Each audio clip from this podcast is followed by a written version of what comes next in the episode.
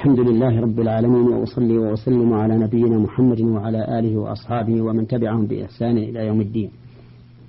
أما بعد فهذه هي الحلقة التاسعة والتسعون من حلقات من أحكام القرآن الكريم.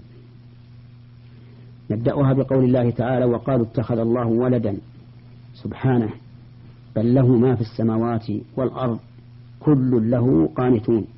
بديع السماوات والأرض وإذا قضى أمرا فإنما يقول له كن فيكون. قالوا الضمير يعود إلى كل من تفوه بهذه المقالة الكاذبة المنكرة من اليهود والنصارى وغيرهم. فاليهود قالوا عزير, عزير ابن الله والنصارى قالوا المسيح ابن الله والمشركون قالوا الملائكة بنات الله. وكل هؤلاء قالوا فرية عظيمة وإثما مبينا. ولهذا قال الله تعالى سبحانه أي تنزيها له أن يكون له ولد لأن الله غني عن كل شيء وهو مالك لكل شيء. إنما يتخذه والولد إنما يتخذه من كان محتاجا مفتقرا. أما الرب عز وجل فإنه ليس بحاجة إلى أحد لأن له الملك المطلق بل له ما في السماوات والأرض. ولأن كل أحد خاضع لله ذليل له منقاد لأمره الكوني والمؤمن منقاد لأمره الشرعي. كل له قانتون. بديع السماوات والأرض أي خالقهما ابتداء. على غير مثال سبق. فهو سبحانه وتعالى هو الذي خلق السماوات والأرض وهو قادر على كل شيء فكيف تجعلون له ولدا؟ وقد خلق كل شيء وبدع السماوات والأرض وإذا قضى أمرا أي قد قضاه قدرا. وكونا فإنما يقول له كن فيكون. كلمة واحدة. لا تثنى مرة أخرى يقولها جل وعلا للشيء مهما كان فيكون في الحال. فليس بغريب أن يخلق الله تعالى عيسى بن, عيسى بن مريم بلا أب. مثل عيسى عند الله كمثل آدم خلقه من تراب ثم قال له كن فيكون.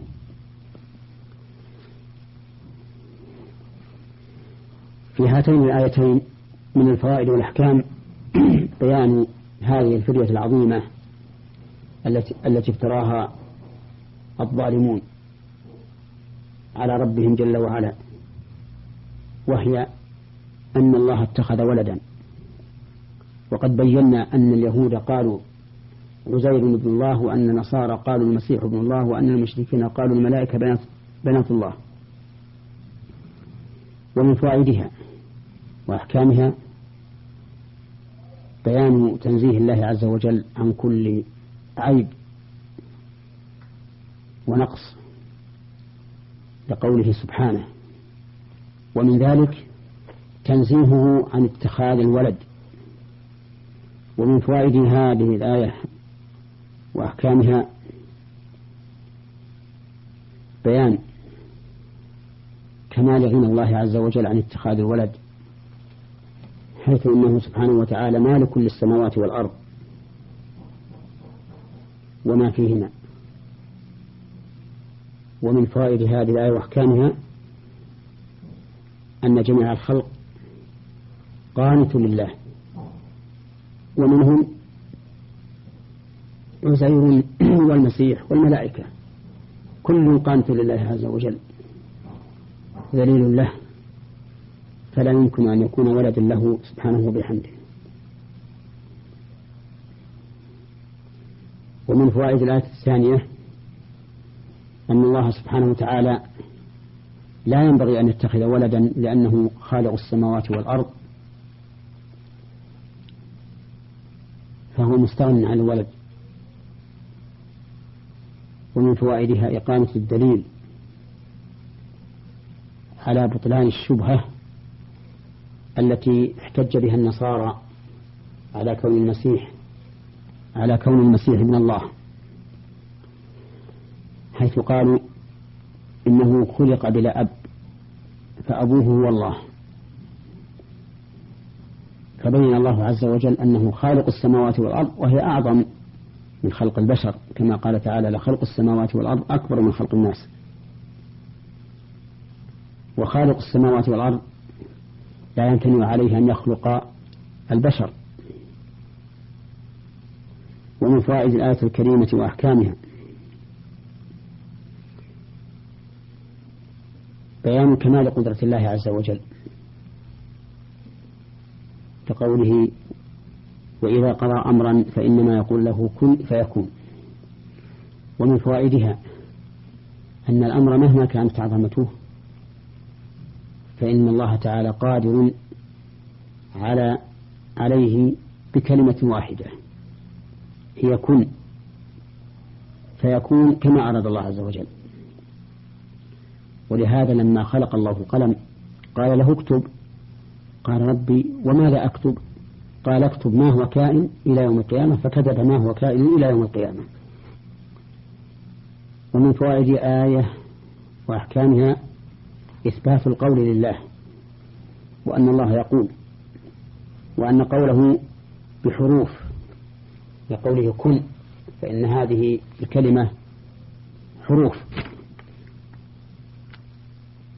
وفيه رد على من يقول إن كلام الله عز وجل وقوله هو المعنى القائم بنفسه وليس حروفا أو أصواتا تسمع وإنما كلامه هو المعنى القائم بالنفس وما يسمع من ذلك فإنه عبارة عن كلام الله وليس هو كلام الله.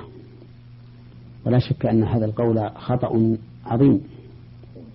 وخطأ فاحش. فإن القول الذي يكون في النفس لا يطلق عليه اسم القول بل لا بد أن يقيد. كما قال تعالى ويقولون في أنفسهم لولا يعذبنا الله. أما القول عند الإطلاق فإنه القول الذي يسمع ويكون من حروف يسمعها من وجه إليه الخطاب. وقد قال الله تعالى في موسى عليه الصلاة والسلام وكلم الله موسى تكليما. وقال وناديناه من جانب الطور الأيمن وقربناه نجيا. وهذا أعني كون الكلام كلام الله عز وجل أعني كون كلام الله عز وجل من حروف وأصوات مسموعة وقول السلف وأئمة الخلف. ولا عبرة بمن خالف طريقهم.